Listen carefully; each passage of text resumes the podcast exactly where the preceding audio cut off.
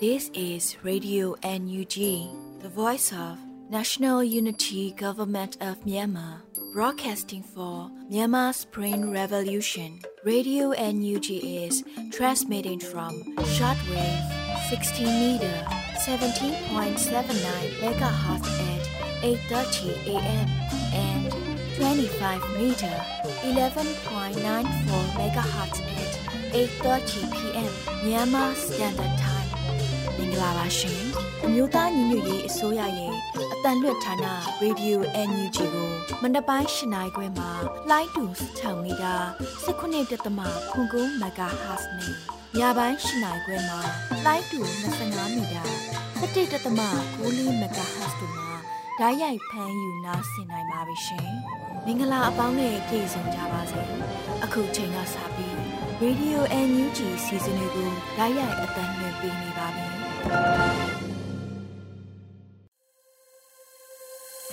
မြန်မာနိုင်ငံသူနိုင်ငံသားပေါင်းတဘာဝပေးစစ်အာဏာရှင်ဘေးတော့နေကင်းဝေးပြီးကိုစိတ်နှပါကြားမှလုံခြုံပေးကင်းကြပါစေလို့ဗီဒီယို UNG အဖွဲ့သားများကဆုတောင်းမေတ္တာပို့သလိုက်ရပါတယ်ရှင်။အခုချိန်ကစပြီးဗီဒီယို UNG ရဲ့မနခင်ပြည်တွင်သတင်းများကိုလွတ်လပ်နေုံကဖတ်ကြားတင်ပြပေးသွားပါမယ်ရှင်။ မင်္ဂလာပေါင်းနဲ့ပြည့်ဝကြပါစေတောတာရှင်များခင်ဗျာဒီကနေ့နိုဝင်ဘာလ24ရက်နေ့ရေဒီယိုအန်ယူဂျီရဲ့မနက်ပိုင်းပြည်တွင်သတင်းများကိုစတင်ကြီးညာပေးပါတော့မယ်ကျွန်တော်ကလွတ်လပ်နေဦးပါကြားကာလဒေသန္တရပြည်သူ့အုပ်ချုပ်ရေးဖော်ဆောင်မှုဗဟိုကော်မတီအစည်းအဝေးကိုပြည်ထောင်စုဝန်ကြီးချုပ်တက်ရောက်ခဲ့တဲ့သတင်းနဲ့စတင်ပါမယ်မြို့သားညွရေးဆိုရကြားကာလဒေသန္တရပြည်သူ့အုပ်ချုပ်ရေးဖော်ဆောင်မှုဗဟိုကော်မတီစည်းဝေးအမှတ်စဉ်48မြင်းဆောင်2023ကိုနိုဝင်ဘာလ23ရက်နေ့ကကျင်းပခဲ့ကြပြီး ကြားကာလဒေသန္တရပြည်သူ့အုပ်ချုပ်ရေးဖော်ဆောင်မှုဗဟိုကော်မတီဥက္ကဋ္ဌပြည်ထောင်စုဝန်ကြီးချုပ်မန်းဝင်းခိုင်တန်းမှအပွင့်မှားစကားပြောကြားခဲ့ပါတယ်။ဆက်လက်ပြီးတက်ရောက်လာကြတဲ့ဂျာကာလာဒေသန္တရပြည်သူ့အုပ်ချုပ်ရေးဖော်ဆောင်မှုဘိုးကော်မတီအဖွဲ့ဝင်များက46မြင်းဆောင်2023တွင်ချမှတ်ထားသောဆုံးဖြတ်ချက်ရှိလုပ်ငန်းစဉ်များနဲ့ပတ်သက်၍ပြည်စည်းမှုခြေအနေများနဲ့ဆက်လက်ဆောင်ရွက်ရန်ကြံရှိနေသေးတဲ့လုပ်ငန်းစဉ်များကိုချပြရှင်းလင်းပြီးတက်ရောက်လာခဲ့ကြတဲ့တာဝန်ရှိသူများမှအကြံတဝင့်ဆွေးနွေးခဲ့ကြပါတယ်။အစည်းအဝေးကိုပြည်ထောင်စုဝန်ကြီးချုပ်မန်းဝင်းခိုင်တန်းမှဦးဆောင်က ပြည်ထောင်စုဝန်ကြီးများဒုတိယပြည်ထောင်စုဝန်ကြီးများအမြဲတမ်းတွင်းဝန်များတွဲဘက်အမြဲတမ်းတွင်းဝန်များဌာနဆိုင်ရာများမှတာဝန်ရှိသူများတက်ရောက်ခဲ့ကြတယ်လို့သတင်းရရှိပါတယ်ခင်ဗျာ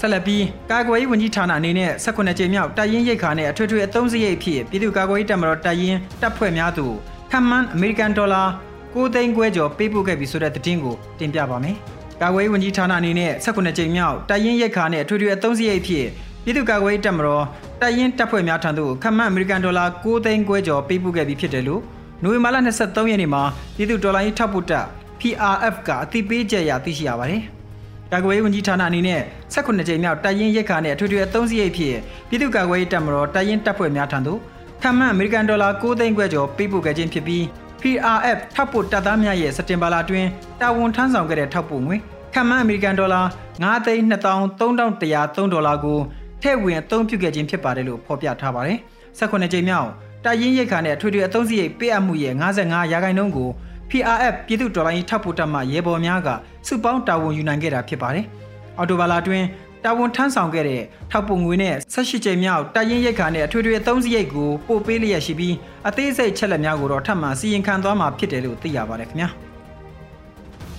ဆလင်းကြီးမြို့နယ်၌ကြေးရွာတရွာမှာမိဘသည့်စစ်ပေးရှောင်ចောင်းသားចောင်းသူများအတွက်အမျိုးသမီးလူငယ်နဲ့ကလေးငယ်ရာဝန်ကြီးဌာနမှထောက်ပံ့ပေးပို့သောပေါ်နှိပ်စာအုပ်များပေးအပ်ကူညီသွားမယ်ဆိုတဲ့သတင်းကိုတင်ပြပါဦးမယ်။ဆလင်းကြီးမြို့နယ်၌ကြေးရွာတရွာမှမိဘသည့်စစ်ပေးရှောင်ကျောင်းသားကျောင်းသူများအတွက်အမျိုးသမီးလူငယ်နဲ့ကလေးငယ်ရေးရာဝန်ကြီးဌာနမှထောက်ပံ့ပေးသောပုံနှိပ်စာအုပ်များပေးအပ်ကူညီနိုင်ခဲ့တယ်လို့ဆလင်းကြီးမြို့နယ်ပြည်သူ့အုပ်ချုပ်ရေးဖွဲ့ထားမှသိရပါဗျ။ စကိုင်းတိုင်းရင်းမပင်ခရိုင်ဆလင်းကြီးမြို့နယ်၌ကြေးရွာတရွာမှမိဘသည့်စစ်ပေးရှောင်ကျောင်းသားကျောင်းသူများအတွက်အမျိုးသားညွရေးဆိုရအမျိုးသမီးလူငယ်နဲ့ကလေးငယ်ရေးရာဝန်ကြီးဌာနမှထောက်ပံ့သောလိုအပ်တဲ့ပုံနှိပ်စာအုပ်များကိုနိုဝင်ဘာလ၄ရက်နေ့မှာမြို့နယ်ပြည်သူ့အုပ်ချုပ်ရေးဖွဲ့မြို့သမီးလူငယ်နဲ့ကလေးငယ်ကြီးကတာဝန်ခံမှတွားရောက်၍ပေးအပ်ခဲ့ပါတယ်။ထို့နောက်ကြေးရွာတရွာမှကလေးငယ်များအတွက်နိုဝင်ဘာလ22ရက်နေ့တွင်ကြာဆိုင်ဟင်းကအဟာရဒါနတိုက်ကျူးခဲ့တယ်လို့လည်းသိရှိရပါတယ်ခင်ဗျာ။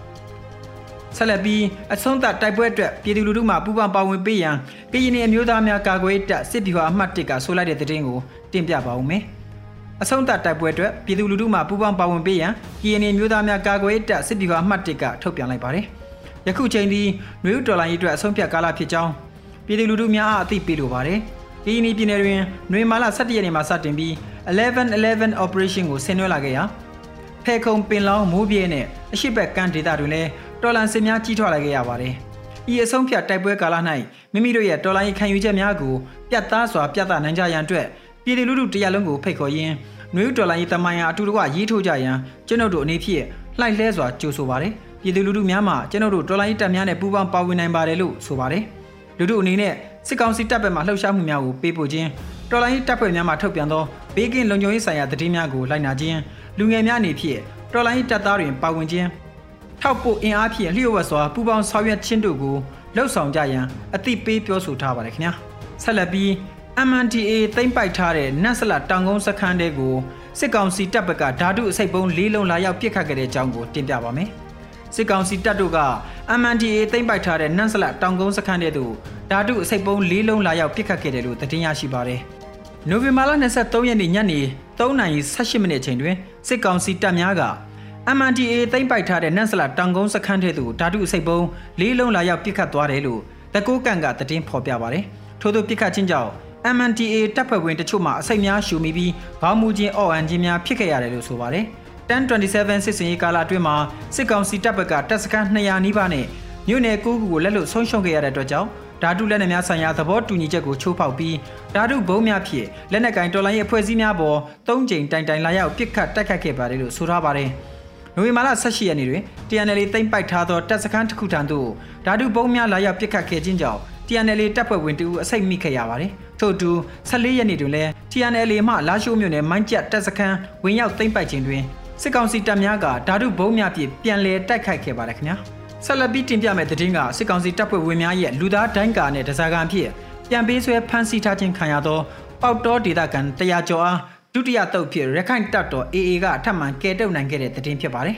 ။စစ်ကောင်စီတပ်ဖွဲ့ဝင်များရဲ့လူသားဒိုင်းကာနဲ့တစားကန်ဖြစ်ပြန်ပေးဆွဲဖမ်းဆီးခံထားရသောပေါတောဒေသခံတရာကျော်အားဒုတိယတုပ်ဖြစ်ရခိုင်တပ်တော် AA ကထပ်မံကဲထုတ်နိုင်ခဲ့ပါတယ်။နိုဝင်ဘာလ22ရက်နေ့တွင်လည်းရန်သူလက်ထက်ဖမ်းဆီးခံထားရသောဒဇာကာများနှင့်မြို့ရင်းရှိနေအိမ်တချို့၌ပုံအောင်နေကြသောသူများစုစုပေါင်း104ဦးကို ဒုတိယတုပ်အနေဖြင့်အထက်မှကဲထုတ်နိုင်ခဲ့ပြီး၎င်းတို့အားလုံခြုံစိတ်ချရသောနေရာများသို့ဆက်လက်ပို့ဆောင်လျက်ရှိတယ်လို့သတင်းကဆိုပါတယ်။ဒဇာကန်ကဲတင်ရေးပထမနေ့တွင်ရန်သူခြေပြုတ်ထားသောနေရာ၃နေရာမှရန်သူ30ကျော်အားရှင်းလင်းနိုင်ခဲ့ပြီးဒုတိယနေ့တွင်လည်းပေါတော်မြို့တွင်နေရာ၃နေရာမှရန်သူ18ဦးမျက်မြင်အားထပ်မံရှင်းလင်းနိုင်ခဲ့ကရန်သူဘက်မှ18ဦးခန့်ဒဏ်ရာရရှိခဲ့ပါတယ်။တိုက်ပွဲတွင် drone ဆက်များပါဝင်ရန်သူ၏လက်နက်ခဲယမ်းနှင့်စစ်အုံဆောင်ပစ္စည်းတချို့အားထပ်မံသိမ်းဆည်းရမိခဲ့ပါတယ်။ စစ်ကောင်စီတပ်ဖွဲ့ဝင်များသည်2023ခုနှစ်နိုဝင်ဘာလ16ရက်နေ့တွင်ရဟန်းတန်ကာများတက်ကြီးရွယ်ဦးများကိုဝန်ဆောင်မျိုးသမီးများနှင့်ကလေးငယ်များပါဝင်သောပေါတောမြို့ကန်များအားလူသားတိုင်းကာနှင့်ဒဇာကာများဖြင့်ပြန်ပေးဆွဲဖမ်းဆီးထိန်းသိမ်းထားခဲ့ရာ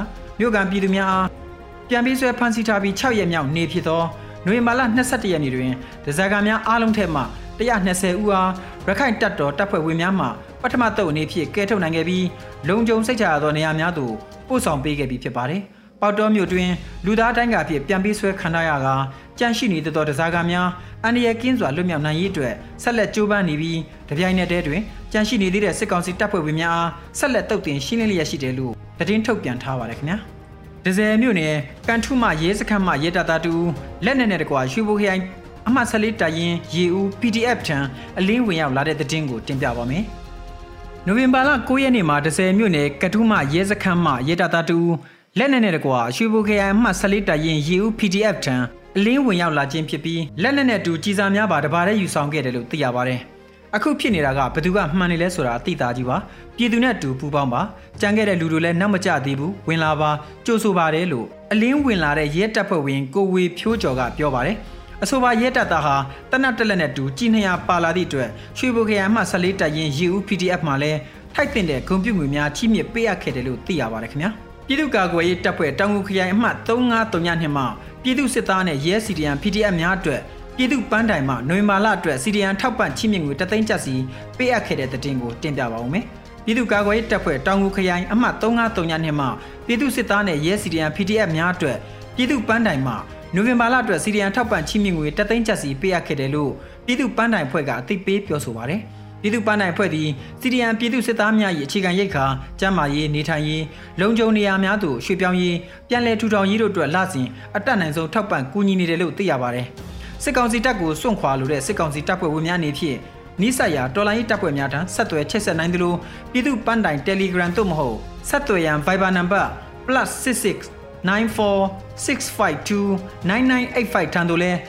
ဆက်သွယ်အကူအညီတောင်းခံနိုင်တယ်လို့သိရပါတယ်ခင်ဗျာ ဆက်လက်ပြီးတင်ပြမယ့်သတင်းက The Way ရုပ်ရှင်ပြသခြင်းမှာရရှိတဲ့ရန်ပုံငွေပတ်တသိန်းတိတိကိုဝန်ကြီးချုပ်ရဲ့စီမံခန့်ခွဲမှုနဲ့ BPLA တို့ထောက်ပံ့ပေးပို့ခဲ့တဲ့သတင်းဖြစ်ပါတယ်။ The Way ရုပ်ရှင်ပြသခြင်းမှာရရှိသောရန်ပုံငွေပတ်တသိန်းတိတိကိုဝန်ကြီးချုပ်စီမံခန့်ခွဲမှုနဲ့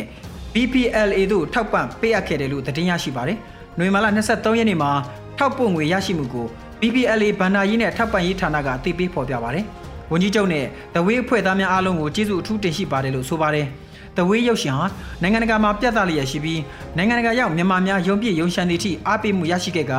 တော်လိုင်းရေးရန်ပုံငွေအများဆုံးလည်းရရှိနေပါတယ်ခင်ဗျာ။တောတာရှင်များခင်ဗျာအခုတင်ပြခဲ့တဲ့သတင်းတွေကို Radio UNG သတင်းတောက်မင်းတီဟန်ကပေးပို့ထားတာဖြစ်ပါတယ်ခင်ဗျာ။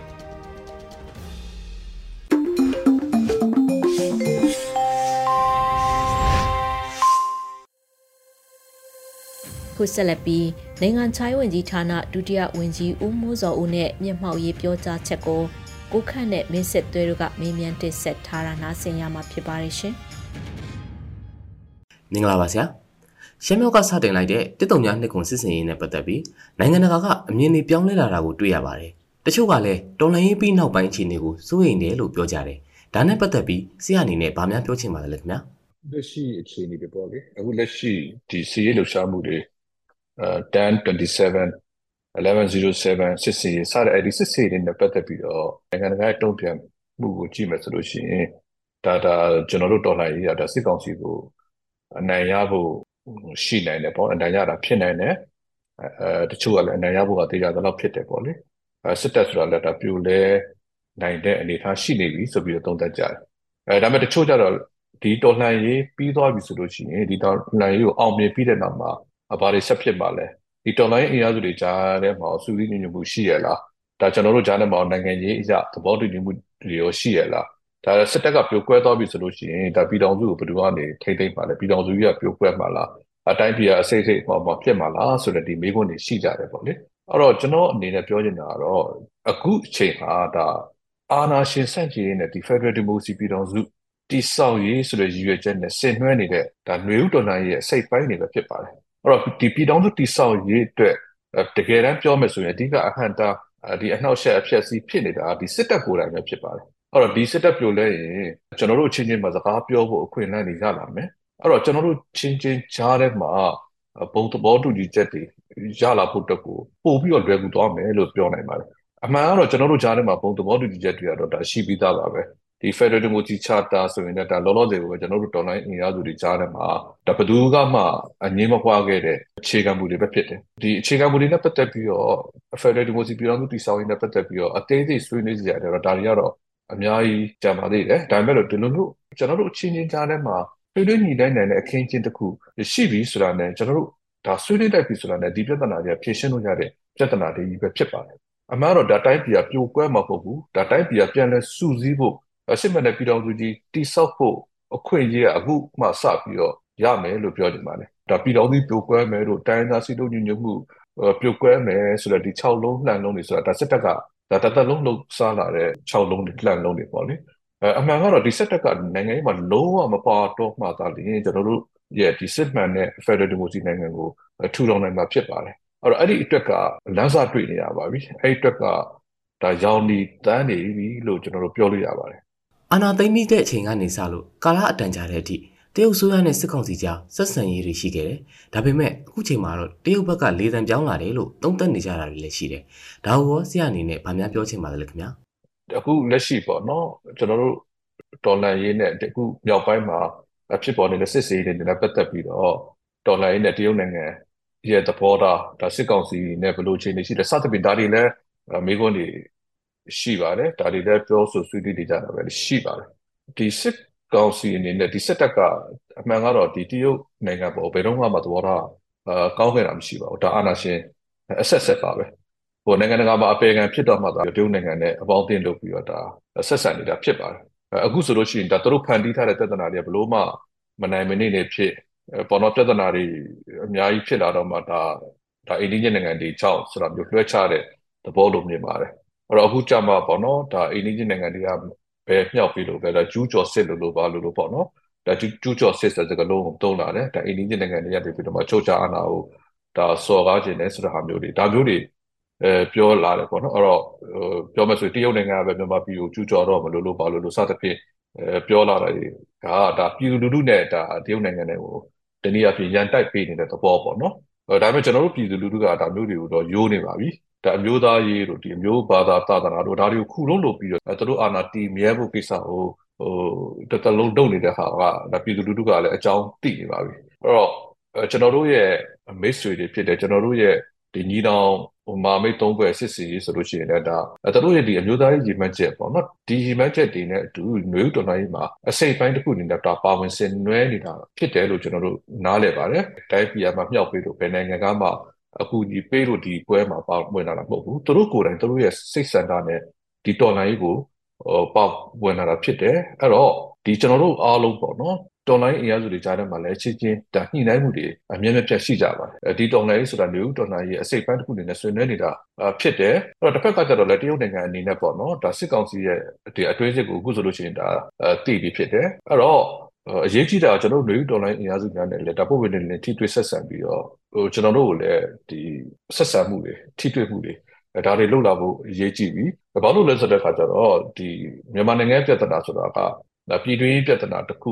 တက်တက်မဟုတ်တော့ဘူးဒါဒေတာရင်းတည်ငြိမ်ရေးတို့ဒေတာရင်းလုံခြုံရေးကိုလည်းထိခိုက်လာပြီဆိုတဲ့ဟာကအခုဖြစ်နေတဲ့ပြဿနာတွေဒါလက်တွေ့ကိုတက်တက်ပြနေပြီဖြစ်တဲ့အတွက်ကြောင့်ဒီပြဿနာအလုံးရဲ့အဓိကတရားခံဟာစစ်ကောင်စီပဲဆိုတာဒါအလုံးဒါရှင်းရှင်းလင်းလင်းနဲ့သိမြင်နိုင်ပြီဖြစ်ပါတယ်အဲ့တော့ဒီစစ်ကောင်စီကဒီအာဏာသိမ်းမှုကိုစုံမတတ်နိုင်သေးပေါ့နော်တော့တိုင်းပြည်ရဲ့တကယ်အရင်းမြစ်ပြဿနာတွေကိုမဖြေရှင်းနိုင်သေးကတော့ ဒီနေသက်ဒေသလုံခြုံမှုတို့နေသက်ဒေသတည်ငြိမ်မှုတို့ဖွံ့ဖြိုးတိုးတက်မှုဒါတွေလည်းမရနိုင်ဘူးဒီအိန္ဒိယနိုင်ငံများရဲ့မြန်မာပြည်တွင်းမှာရှိတဲ့ဒီစီးပွားရေးနဲ့ပတ်သက်တဲ့ရင်းနှီးမြှုပ်နှံမှုတွေအကျိုးစီးပွားတွေဒါတွေကိုလည်းတက်လက်ပြီးတော့တည်တောင်ထိန်းသိမ်းဖို့ဆိုတာကမဖြစ်နိုင်ပါဘူးဆိုတော့အခုဆိုလို့ရှိရင်တည်တဲ့အတိုင်းပဲဒီ online လိမ်လည်မှုတွေအပေါင်းပေါ့နော်ဒီနေဆက်ဖြတ်ကျော်ဒီရသွေးမှုတွေဒီမှုစီဝါတို့ဘာတို့အစပေါ့နော်ဒီနေဆက်ဖြတ်ကျော်တရားမဝင်ကုန်ကူးမှုတွေ အေးဆက်လက်ပြီးတော့ဒါဖြစ်ပေါ်နေတယ်ဒါဒီစစ်တပ်ကအာဏာသိမ်းဖို့ကြိုးစားတဲ့ကာလနောက်ပိုင်းပေါ့စစ်တပ်ကပါဝင်ပတ်သက်မှုတွေကိုဒီလိုမျိုးပြဿနာတွေပုံမှုပြီးတော့ကြီးထွားနေတာဖြစ်ပါတယ်အဲ့တော့ဒီပြဿနာတွေကိုဖြေရှင်းဖို့ဆိုလို့ရှိရင်ဒါကျွန်တော်တို့ဒီတော်လှန်ရေးကို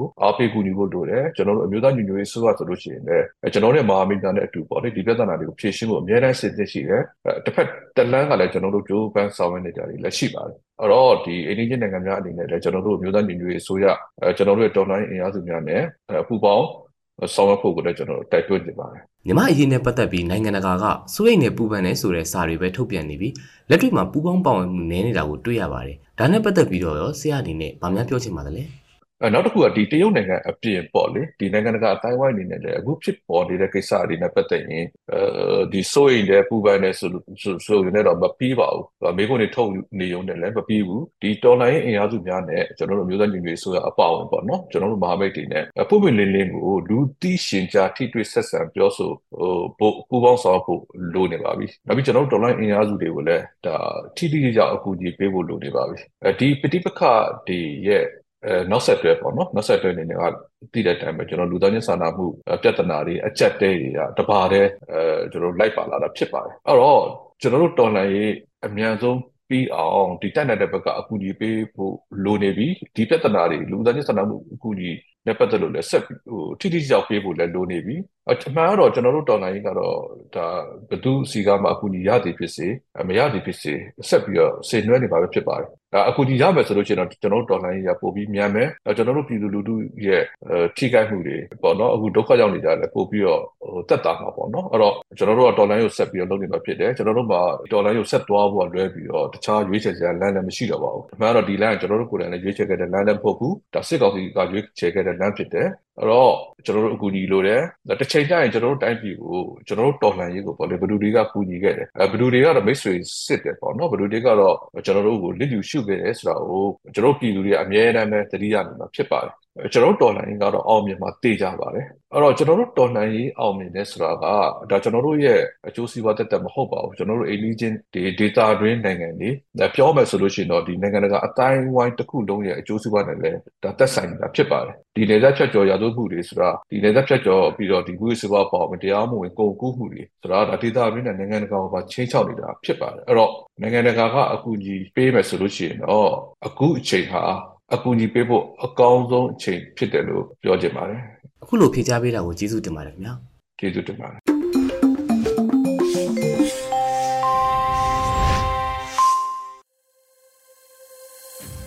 ရေဒီယို UNG မှာဆက်လက်တန်လှည့်နေပါတယ်။ယခုဆက်လက်ပြီးဒေါ်လာရေးတေးဂီတအစီအစဉ်ကနေဆလိုင်းကီးမောင်ရေးသားထားပြီး CDF ကမ်ပလက်ရဲဘော်များတည်ဆိုထားတဲ့အိမ်ပြန်နိုင်မဲ့နေဆိုတဲ့တေးသချင်းကိုနားဆင်ကြကြရအောင်ရှင်။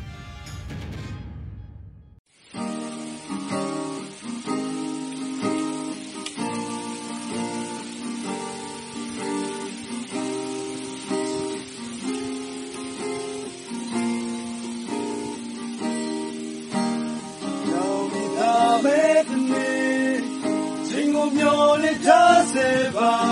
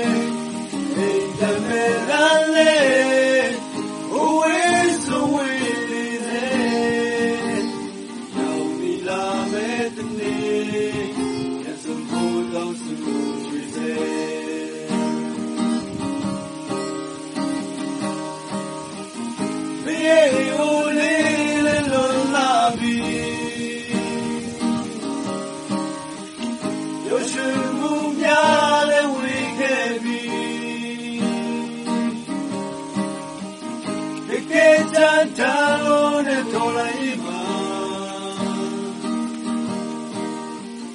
ad intagliare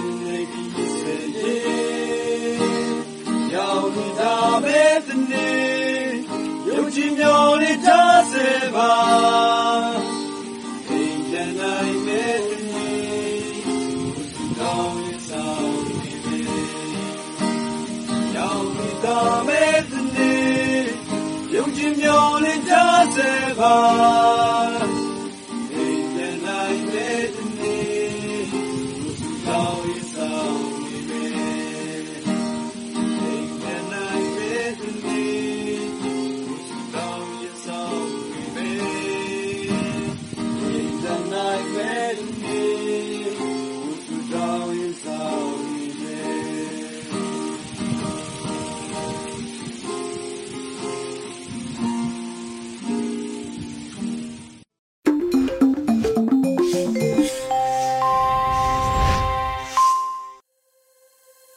ယခုဆက်လက်ပြီး PPTV ရဲ့နေ့စဉ်သတင်းများကိုရင်းကတင်ဆက်ထားပါတယ်ရှင်။အခုချိန်ကစပြီး PPTV သတင်းတွေကိုတင်ဆက်ပေးတော့မှာပါကျွန်မရိမပထမဆုံးတင်ဆက်ပေးခြင်းတဲ့သတင်းကတော့မြမှုမြို့နယ်မှာခရိုင်မြို့နယ်ကျေးရွာအုပ်ချုပ်ရေးနဲ့ကာကွယ်ရေးအဖွဲ့တွေတွေ့ဆုံဆွေးနွေးတဲ့သတင်းမှာ စကိုင်းတိုင်းမြမှုမြို့နယ်ရဲ့တိုက်နယ်တစ်ခုမှာခရိုင်မြို့နယ်ကျေးရွာအုပ်ချုပ်ရေးနဲ့ကာကွယ်ရေးအဖွဲ့တွေတွေ့ဆုံဆွေးနွေးမှုကိုနိုဝင်ဘာ22ရက်ကပြုလုပ်ခဲ့ကြပါတယ်။ တွေ့ဆုံဆွေးနွေးပွဲကိုခရိုင်ပြည်သူ့အုပ်ချုပ်ရေးအဖွဲ့ရေးရအဖွဲ့ဝင်များမြို့နယ်ပြည်သူ့အုပ်ချုပ်ရေးအဖွဲ့မြို့နယ်ပြည်သူ့ကာကွယ်ရေးအဖွဲ့မြို့နယ်ပြည်သူ့လုံခြုံရေးအဖွဲ့နဲ့ကျေးရွာပြည်သူ့အုပ်ချုပ်ရေးအဖွဲ့ကျေးရွာပြည်သူ့ကာကွယ်ရေးအဖွဲ့တွေမျက်နှာစုံညီပြုလုပ်ခဲ့ကြတာပါဆွေးနွေးပွဲမှာအုပ်ချုပ်ရေးကာကွယ်ရေးလုံခြုံရေးကဏ္ဍအလိုက်မူဝါဒများရှေ့ဆက်လုံးဆောင်ရမယ့်လုပ်ငန်းစဉ်များနဲ့ပတ်သက်ပြီးဆွေးနွေးခဲ့ကြတယ်လို့မြမှုမြို့နယ်ပြည်သူ့အုပ်ချုပ်ရေးအဖွဲ့ကသတင်းထုတ်ပြန်ထားပါတယ်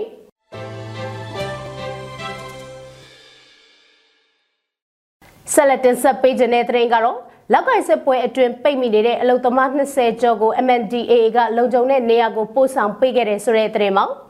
ရှမ်းပြည်မြောက်ပိုင်းကိုကန့်ကိုပိုင်အုပ်ချုပ်ခွင့်ရဒေသဖြစ်တဲ့လက်ကိုင်စစ်ပွဲအတွင်းပိတ်မိနေတဲ့အလုပ်သမား22ဦးကို MNDA ကလုံခြုံတဲ့နေရာကိုပို့ဆောင်ပေးခဲ့တယ်လို့တကိုးကန့်ကဒီကနေ့မှထုတ်ပြန်ပါတယ်။စစ်ပွဲဖြစ်ပွားရာနေရာမှာပိတ်ဆို့ခံနေရတဲ့အဲ့ဒီအလုပ်သမားတွေဟာလောက်ကိုင်ဒေသမှာကြမ်းခုတ်ခြင်းနဲ့ပြောင်းဖူရိတ်ခြင်းစတဲ့လေယာလုပ်ငန်းတွေကိုအချိန်ကြာရှည်စွာလုပ်ကင်လာကြသူတွေဖြစ်ပါတယ်။အဲ့ဒီဒေသကစစ်အုပ်စုတွေ MNDA ကတိုက်ပွဲဖြစ်ပွားပြီးတဲ့နောက်မှာအဆိုပါအလုပ်သမားတွေက ကိုကန့်ခရိုင်မင်ကျူအုပ်စုရှင်ကိုင်ရွာမှာရှိတဲ့သူတို့ရဲ့တထဲအိမ်ပေါ်မှာတိန်းရှောင်မိကိုခဲ့ကြတာဖြစ်တယ်လို့ဆိုပါတယ်။ကိုကန့်တက်မတော် MNDA ရဲ့ရှေ့တန်းရဲဘော်တွေကစစ်နယ်မြေရှင်းလင်းရေးလှုပ်ဆောင်ချိန်မှာ၎င်းတို့ကိုတွေ့ရှိပြီးနောက်တန်းကိုပို့ဆောင်ခဲ့တာဖြစ်ပြီးသူတို့ရဲ့အထောက်အထားတွေကိုတေချာစစ်စစ်ပြီးနောက်မှာတော့လုံခြုံတဲ့နေရာကိုပို့ဆောင်ခဲ့တာလို့ကိုကန့်တက်မတော် MNDA ကအသိပေးဖော်ပြထားပါတယ်။ တက်တုံညနှစ်ခွန်စစ်စေးရဲ့ operation ကြီးဆင်နွှဲလာတဲ့အချိန်ကနေဒီကနေ့အချိန်ထိစစ်ပွဲဖြစ်ပွားရာနေရာက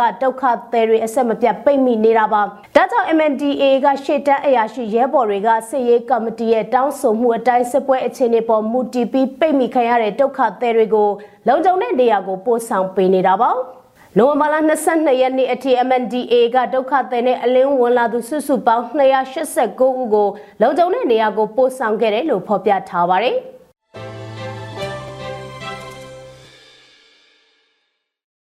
နောက်ထပ်တင်ဆက်ပေးခြင်းတဲ့သတင်းကတော့ဖြူမြို့နယ်မှာကင်းဝတ်နေတဲ့ PDF နဲ့အကြံဖက်စစ်ကောင်စီတပ်ဖွဲ့ဝင်တွေထိတွေ့တိုက်ပွဲဖြစ်ပွားခဲ့ပြီးအကြံဖက်စစ်ကောင်စီဘက်ကတူရဲအုပ်တအူးအပါဝင်ရန်သူလေးဦးသေဆုံးခဲ့တဲ့သတင်းမှာပဲခူးတိုင်းဖြူမြို့နယ်စင်မတော်ရွာအနီးကင်ပုံဝတ်နေတဲ့ပြည်သူ့ကာကွယ်ရေးတပ်ဖွဲ့ကွန်မန်ဒိုတပ်ရေးရိုမနှစ်စစ်ကြောင်းနဲ့အကြံဖက်စစ်ကောင်စီအဖွဲ့ဝင်9ဦးတို့ထိတွေ့တိုက်ပွဲဖြစ်ပွားခဲ့တယ်လို့ရိုမနှစ်စစ်ကြောင်းကပြောပါရယ်။ PDF ယူမစစ်ကြောင်းနှစ်ကကင်ပုံဝတ်နေစဉ်နိုဝင်ဘာ14ရက်ညနေ4:30မိနစ်မှာအကြံဖက်စစ်ကောင်စီလက်အောက်ခံရဲတပ်ဖွဲ့ဝင်၄ဦးနဲ့အုပ်ချုပ်ရေးမှူးတဦးတို့ဆိုင်ငယ်၃စီးနဲ့လက်နက်တွေကင်ဆောင်ကဝင်ရောက်လာပြီးထိတွေ့တိုက်ပွဲဖြစ်ပွားခဲ့တယ်လို့အထူးကွန်မန်ဒိုတပ်ရင်တောင်ပိုင်းတိုင်းစစ်သေးသားရဲ့သတင်းနဲ့ပြန်ကြားရေးဌာနကသတင်းထုတ်ပြန်ထားပါတယ်။ အပြန်လန်ထိတွေ့ပြစ်ခတ်မှုဖြစ်ခဲ့ပြီးအကြမ်းဖက်စစ်ကောင်စီလက်အောက်ခံဒုရဲအုပ်တအူးအပါဝင်၄ဦးသေဆုံးခဲ့ပြီးကွန်မန်ဒိုတပ်ရင်ရိုမနှစ်စစ်ကြောင်းကရဲဘော်တအူးနှစ်ဖူးရှက်တီတန်ရအနှဲငယ်ရရှိခဲ့ပါတယ်။ ထိတွေ့တိုက်ပွဲအတွင်းသေဆုံးသွားတဲ့ရန်သူတပ်ဖွဲ့ဝင်တွေကအကြမ်းဖက်စစ်ကောင်စီလက်အောက်ခံတောင်ဦးအမှတ်နှစ်ရဲစခန်းကတူရဲအုပ်တအူးပါဝင်တဲ့ဆိုတာအတီးပြူနိုင်ခဲ့ပြီးအလောင်းလေးလောင်းရရှိကတအူးလွတ်မြောက်သွားတယ်လို့ဆိုပါတယ်။တိုက်ပွဲဖြစ်စဉ်အပြီးရန်သူတပ်ဖွဲ့ထံကနေ G3 သနတ်နှစ်လက် AK47 တက်လက်6လုံးပြူတက်လက်7.6 mm ကြီးစံ90တောင် G3 ကြီးစံ31တောင်380 magnet ကြီးစံ15တောင် ကြီးကားတထိန်မှတ်ပုံတင်ရဲတပ်ဖွဲ့ဝင်ကတ်တွေကိုတင်စီရရှိခဲ့တယ်လို့ဖော်ပြထားပါတယ်။ဒီကနေ့ကတော့ဒီညနေပဲ Radio NUG ရဲ့အစီအစဉ်လေးကိုခေတ္တရ延လိုက်ပါမယ်ရှင်။မြန်မာစံတော်ချိန်မနေ့၈နိုင်ခွဲနဲ့ည၈နိုင်ခွဲအချိန်တွေမှာပြောင်းလဲဆိုပြကြပါလို့ရှင်။ Radio NUG ကိုမနေ့ပိုင်း၈နိုင်ခွဲမှာလိုင်းတူ16မီတာ19.7 MHz နဲ့ ညပိုင်း၈နာရီခွဲမှာလိုင်းတူ25မီတာ17.6 MHz တို့မှာဓာတ်ရိုက်ဖမ်းယူနားဆင်နိုင်ပါပြီရှင်။မြန်မာနိုင်ငံသူနိုင်ငံသားများကိုစိတ်နှပြချမ်းမာချမ်းသာလို့ဘေးကင်းလုံခြုံကြပါစေလို့ Radio NUG ရဲ့ဖွဲ့သူဖွဲ့သားများကဆုတောင်းလိုက်ရပါတယ်။ San Francisco Bay Area အခြေစိုက်မြန်မာမိသားစုများနိုင်ငံတကာကစေတနာရှင်များ လိုအားပေးများရဲ့ Radio NUG ဖြစ်ပါတယ်ရှင်။အရေးတော်ပုံအောင်ရမည်။